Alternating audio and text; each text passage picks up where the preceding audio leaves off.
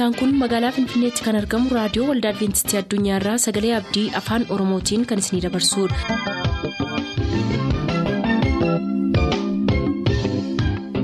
harka fuuni akkam jirtu dhaggeeffattoota sagalee abdii nagaa keenyattaan sun har'aaf qabannee kan isiniif dhiyaannu sagantaa mallattoo barichaati nu waliin tura.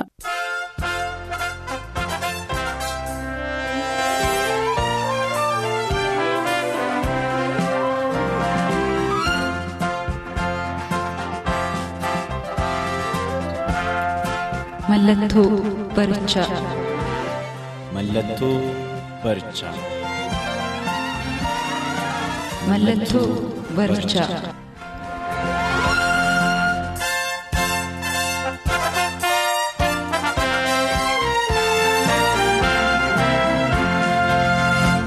Si galateeffanna waaqa keenyaa waaqa waan nuuf taateef abbaa waan nuuf taateef yeroo hamaadhaaf ulfaataa bara hamaadhaaf ulfaataa keessa dabarre hundumaa kee'atti bu'aa bayii jireenyaa keessa dabarre keessatti ati waan nu biraa hin hafneef harka nu qabdee nu wajjiniin buutee waan baateef galanni maqaa kee faayii ta'u har'as hafuura jiraataati nuuf laatte nu keessa jiraayyuu jiraannee dubbii kee dhaggeeffachuudhaaf dhiyaannee jirra carraa jireenyaa nuuf laatteef si galateeffannaa ammas dubbii kee ati nutti dubbadhu waan nu barsiisuun sirra jiru ati nu barsiisi keessumaa dhoksaa dubbii kee keessa jiru hubachuudhaaf kan nu dandeessisu hafuura qulqulluu nuuf ergii maqaa ilma kee gooftaa yesuus jettee ameen.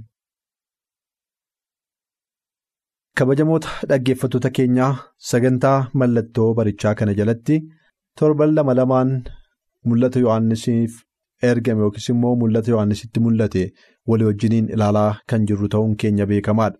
Haaluma kanaan boqonnaa tokko dabarree boqonnaa lama dabarree har'aa boqonnaa sadaffaa kan walii wajjiniin jalqabnu ta'a. Boqonnaa lama keessatti ergaa waldoota torbaniif barreeffame ilaaluu jalqabne kan efesooniin kan simiriinaa kan peergaamoon kan tiyaatiraa ilaalleerra har'aa waldaa ishee shanaffaa walii wajjiniin ilaalla. Waldaan shanaffaa kun saardis jedhamuudhaan beekamti. Saardis warri jaarraadhaan qoodanii kaa'anii jaarraa kudha shanaffaadhaa hanga jaarraa kudha saddeettaffaatti kan jirudha jedhanii jaarraadhaan qoodanii kaa'u.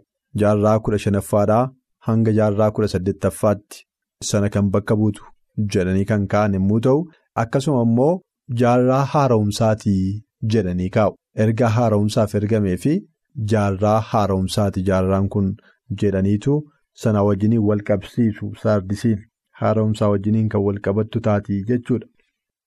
Egaa saardis maaliin beekamti jennee kanaan dura yommuu ilaallee magaalaan saardis warshaa gurguddaa qabaachuudhaan beekamti sana malee immoo giddugaleessa daldalaa turte giddugaleessa daldalaa waan turtee fi biyya hundumaatii kallattii hundumaatiin saardis irratti daldala guddaadhaaf namoonni. Kan wal ga'an turan kanaaf magaalaa daldalaati magaalaa warshaa yookiis industirii baay'ee of keessaa qabdu kan isheen turte kanaan dura wajjiniin ilaalla irra isin yaadachiisumaaf qofa kun. Egaa waa'ee waldaa saardisiin yommuu ilaallu waldaa saardis waldaa peergaamoonii wajjiniin wanta itti wal faallessitu qabdi waldaan peergaamoon waldoota jiran torban keessaa waldaa hin tuffatamnedha kanan sirratti arge kana dhalaa mudaan kee kan ittiin hin jedhamnedha. Ergaa ergamee fi keessa garuu kan jedhu kan hin jirredha waldaan peergaamoon. Waldaan tiyaatiraa immoo faallaa sanaati. Waldaan saardes immoo faallaa sanaati. Waldaan saardes immoo kan hin jajamnedha. Waa ittiin jajamtu kan hin qabne. Guutuu guutummaatti ceephoo kan ta'ee fi qalbii jijjiirrannaadhaaf waamicha isheedhaaf dhiyaatedha. Ilaa kana jabinni kee hojii kee argeera hojiin kee gaariidha kan jedhu hin jiru. Amantiin kee gaariidha jaalalli kee gaariidha guddachaa jirta kan jedhu hin jiru. Ceephoo kan of keessaa qabu. Kan waan ittiin jajamtu hin qabne turte jechuudha waldaan saardis.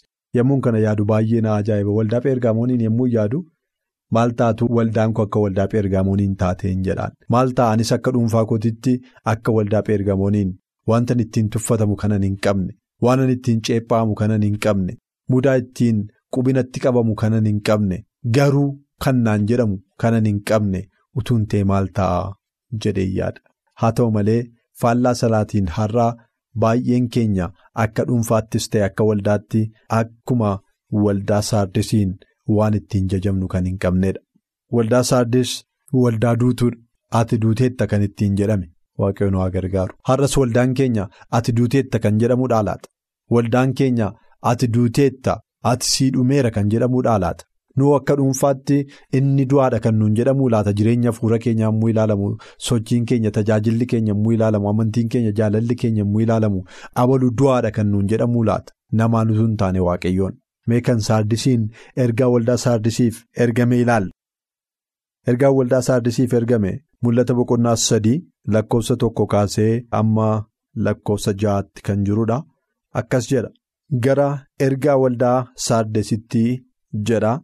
Ergaan kun eenyu biraa dhufe isaa hafuurota waaqayyoof hojjetan torba urjoota torbas qabu biraa dhufe jedhiitii caafii jedheen. Eenyu biraa dhufe isaa hafuurota waaqayyoof hojjetan torba qabu. Isaa urjootas torba qabu isa biraa dhufe jedhiitii barreessii jedheen. Maaliifidha laata kun kan inni barbaachise?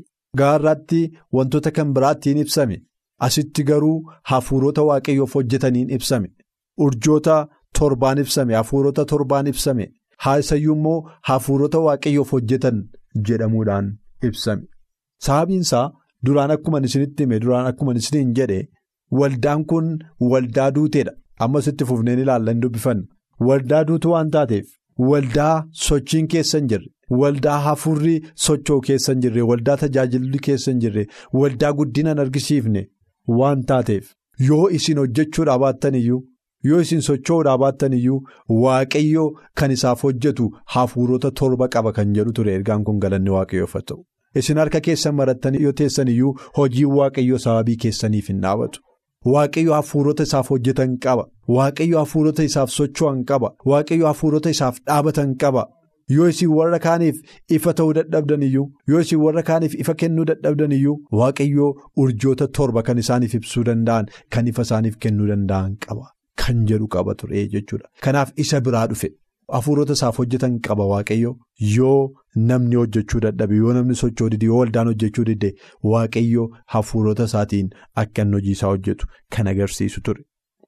Ergaan ergameefoo maal fakkaata jennee olaalle ergichi jedhaan achuma jalatti. Ergichi ana hojii kee beeka amma hojii kee beeka yeroo jedhu gaarummaa ishee miti maqaadhumaaf jiraataadha jedhamtee hin waamamtaa ati garuu du'aadhaa jedheen waaqayyoon waa oolchu. Maqaadhumaaf jiraataadha jedhamtee waamamta maqaadhumaaf waamamtarraa kan hafe ati duuteetta. Erga duutee erga obbaafattee turteetta. Erga hafuura isa dhumaa baafattee ati turteetta. Garuu jiraataadha jedhamtee waamamta. Maqaan kee waamama maqaan kee dha'ama ati garuu hin jirtu. Har'a sababa baay'eetiin maqaan namoota du'anii waamama. Waltajjii garaagaraa irratti barreeffama garaagaraa irratti maqaa namoota du'anii baay'ee isaanii kaasaa oolla. Garuu isaan du'aniiru waldaan saardees akkas turte. Maqaadhumaaf waamamtarraa kan hafe maqaadhaaf jiraataadha jedhamtarraa kan hafe ati du'aadhaa jedheen. Ati du'aadha. Kun har'a rakkina baay'ee keenyaati. Jirra jedhamneetu waamamnu. Tajaajilaadha jedhamneetu waamamnu faarfataadha faarfattuudha jedhamneetu waamamnu lallabaadha lallabduudha jedhamneetu waamamnu namoonni bakkeedhaan yommuu nu ilaalani waltajjiirra dhaabannee faarfachuu keenya lallabuu keenya socho'uu keenya waldaatti deddeebi'uu keenya yommuu nu argani abaluu jiraataadha jedhanii kan nu abaluu cimaadha abaluu nama amantiiti abaluu nama hafuuraati kan nuun jedhani waaqayyo immoo yommuu nu ilaalu maal nuun jedha laata namoonnoo nama hafuuraati nuun jedhanii waaqayyoo maal jedha laata namoonnoo. Cimaadha abaluu nuun jedhanii waaqayyoommoo maal nuun jedha laata? Ilaalaa waldaa saardesiin maqaadhaan yommuu waaman jiraataadha jedhanii waamu. Akka waldaa jiraataa ta'etti waamu. Garuu waaqayyoommoo yommuu ilaale ati du'aadhaa jedheen. Maqaadhumaaf duwwaadha jiraataadha jedhamtee kanatti waamamtu. Har'a namoonni nu jajuu danda'u? Waan jiruttis waan hin jirrettis. Har'a namoonni maqaa keenya ol kaasanii dubbachuu danda'u? Waan jiruttis waan hin jirrettis. Garuu waaqayyo maal jedha laata nuun.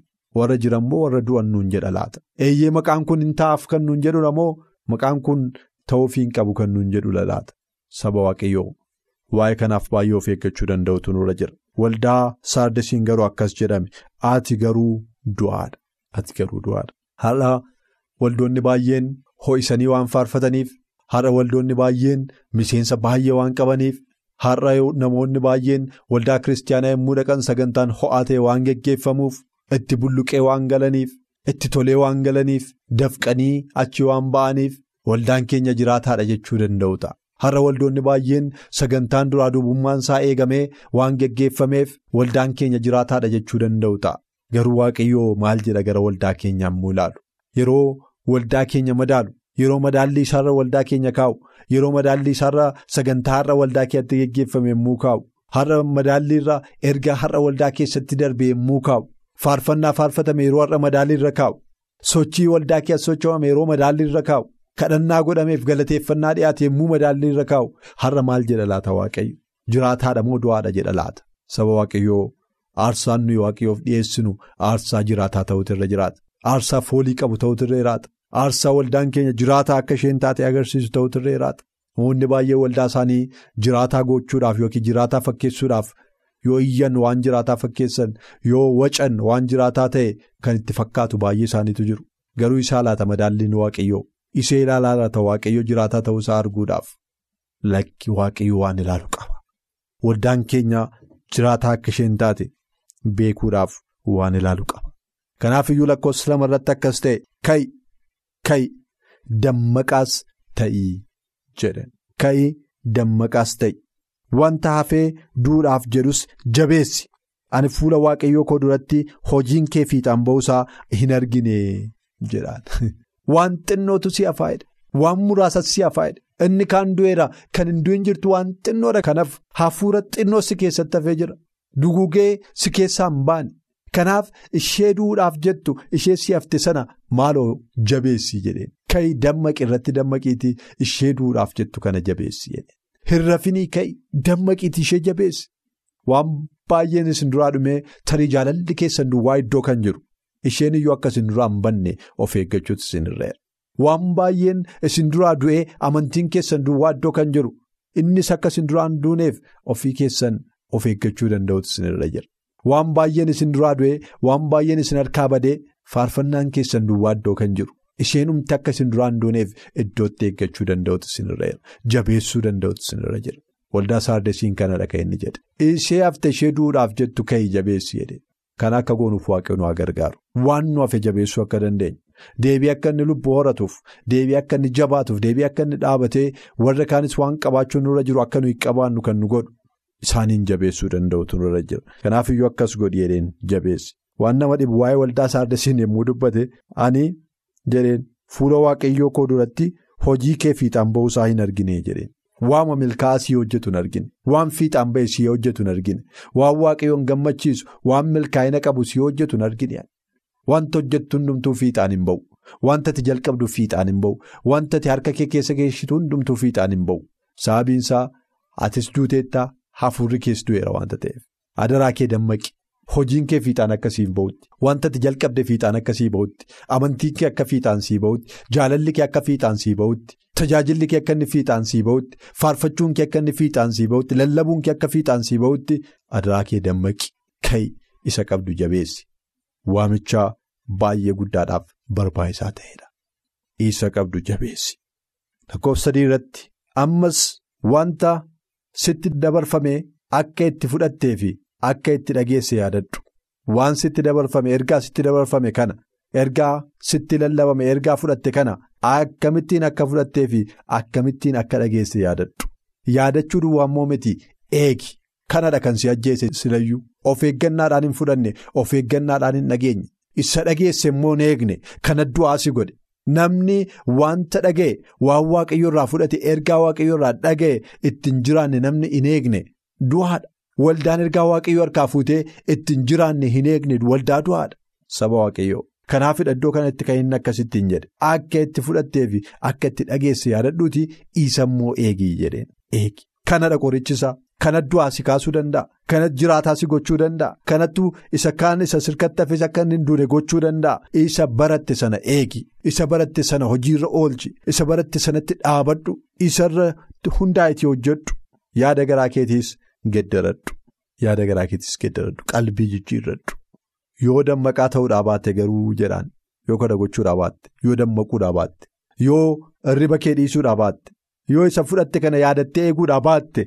Yoo dammaqaa ta'uudhaa baatte garuu ani akka hattuun dhufutti nan dhufa. Ani akka hattuun dhufutti nan dhufa. Yeroo an sitti dhufus matumaan beektu jedheen.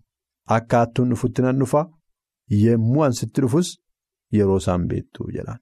Yemmuu an siif dhufu hin jedhu ilaalaame iddoo kanatti. Yemmuu an siif dhufu hin beektu miti. Akkaattuun dhufutti sittin dhufaadha kan inni jechaa jiru. Siin dhufatu hin taane sittin dhufa hin dammaqxu taanaan sittin dhufa. Kanadha saba waaqayyoo. Gooftaan keenya yesus kiristoos hin dhufa inni abdiidhaan eeggachaa kan jirru hundumtu. Yesus nuuf dhufuu qabarraa kan hafe nutti dhufuu hin qabu. Yoon dammaqne garuu nutti dhufa. Yoon qophoofne nutti dhufa. Nuuf yeroon sun yeroo naasuuti, yeroo rifannaati, yeroo badiisaati. Kanaaf ergaan waldaa saardesiif dhufe kanadha. Siifan dhufa yaa waldaa saardes hin jenne. Sittan dhufaa jedhe. Hin dammaqxu taanaan sittan dhufa. Irribaan kaatu taanaan sittan dhufa. Du'aan kaatu taanaan sittan dhufa. Hafuura keessa du'e kana jiraataan gootu taanaan qalbiin jijjiirrattu taanaan sittan dhufa. Yemmuun sitti dhufus yoom akka ta'e yeroo isaan beektu jedha. Tu'aasofnuu mata duree kan biraatiin ilaaluu dandeenya. Kanaan dura waa'ee gooftaan keenya yesus kiristoos akka lakkoofsa warra adiitti bara 2011 keessa caamsaa gaafa 21 dhufa jedhamee reediyoo tokkoon lallabamaa akka inni tureef waa'ee sanaatiif dhaggeeffattoonni baay'een gaaffii nu gaafachuu isaaniirraa kan ka'e deebii kennaa turuun keenya yaadatama. Guyyaa sana eenyuyyuu akka hin beekne akka hattuun dhufutti akka inni dhufu yeroo namni hin yaannetti yeroo namni hin beeknetti yeroo namni quba hin qabnetti akka inni dhufu kitaaba qulqulluu keessaa deebii kennaa turre heertuun nuyi fudhannee irratti deebii kennaa turre keessaa tokko kan waldaa saardesiif ergame kanadha. Baay'ee wanti nama ajaa'ibuuf namatti tolu namichi akkas jedhee lallabaa ture.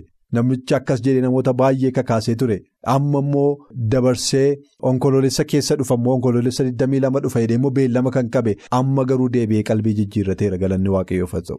Aan kanaan dura akkas jechuu koo nan balleesse guyyaa inni dhufu eenyuyyuu beekuu hin danda'u jedhee kitaaba qulqulluu keessatti barreeffamee utuu jiru aan tilmaamee guyyaa kaa'uun koo dogoggoradha.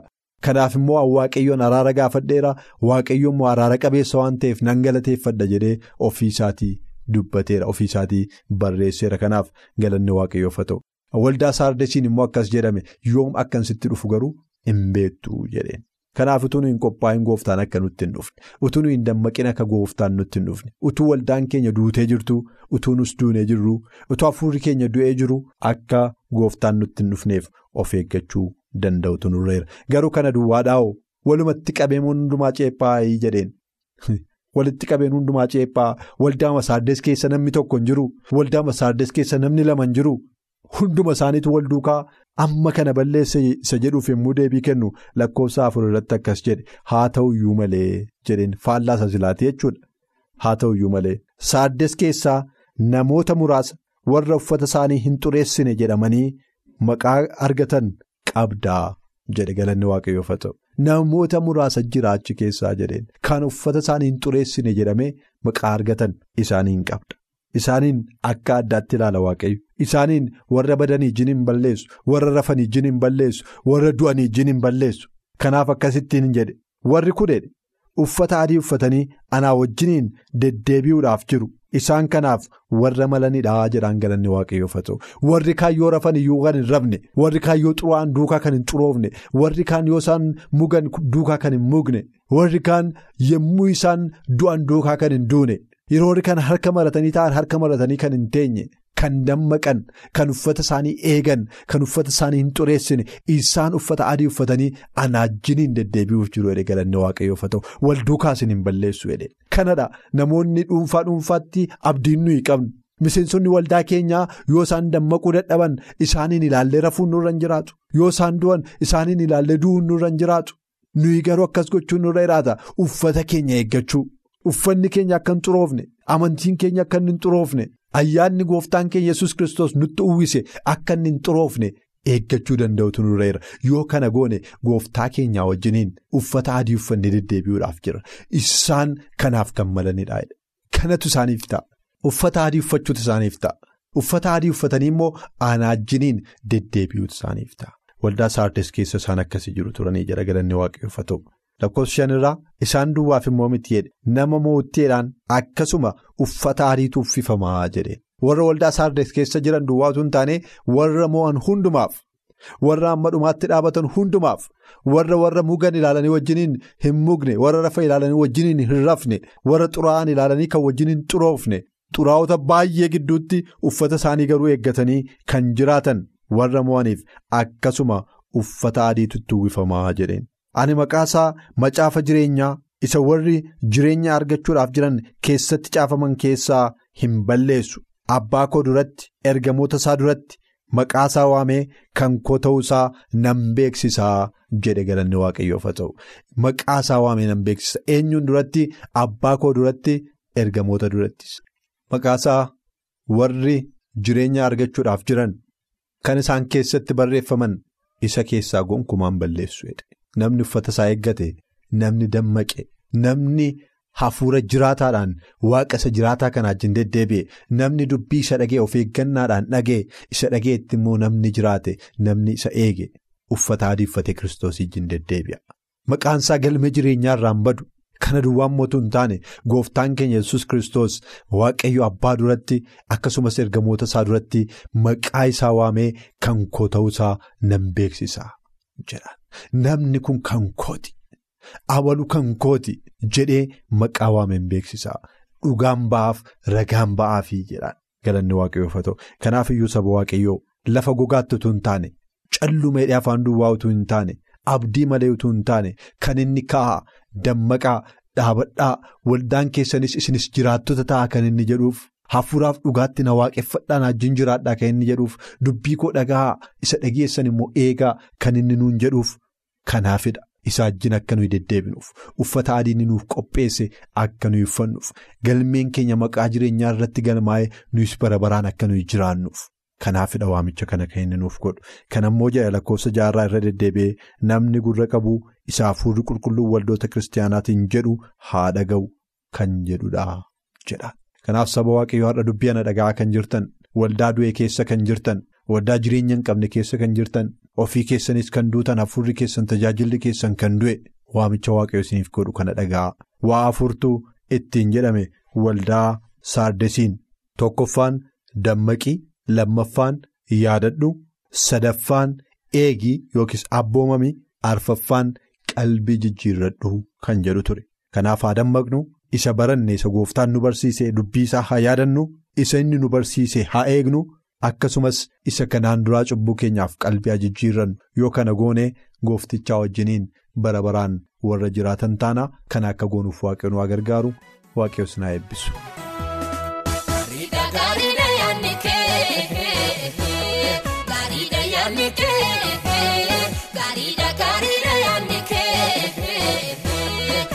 hidayaan kee utuu lafaan hanqaa'in yesus koo baatee na guddifte.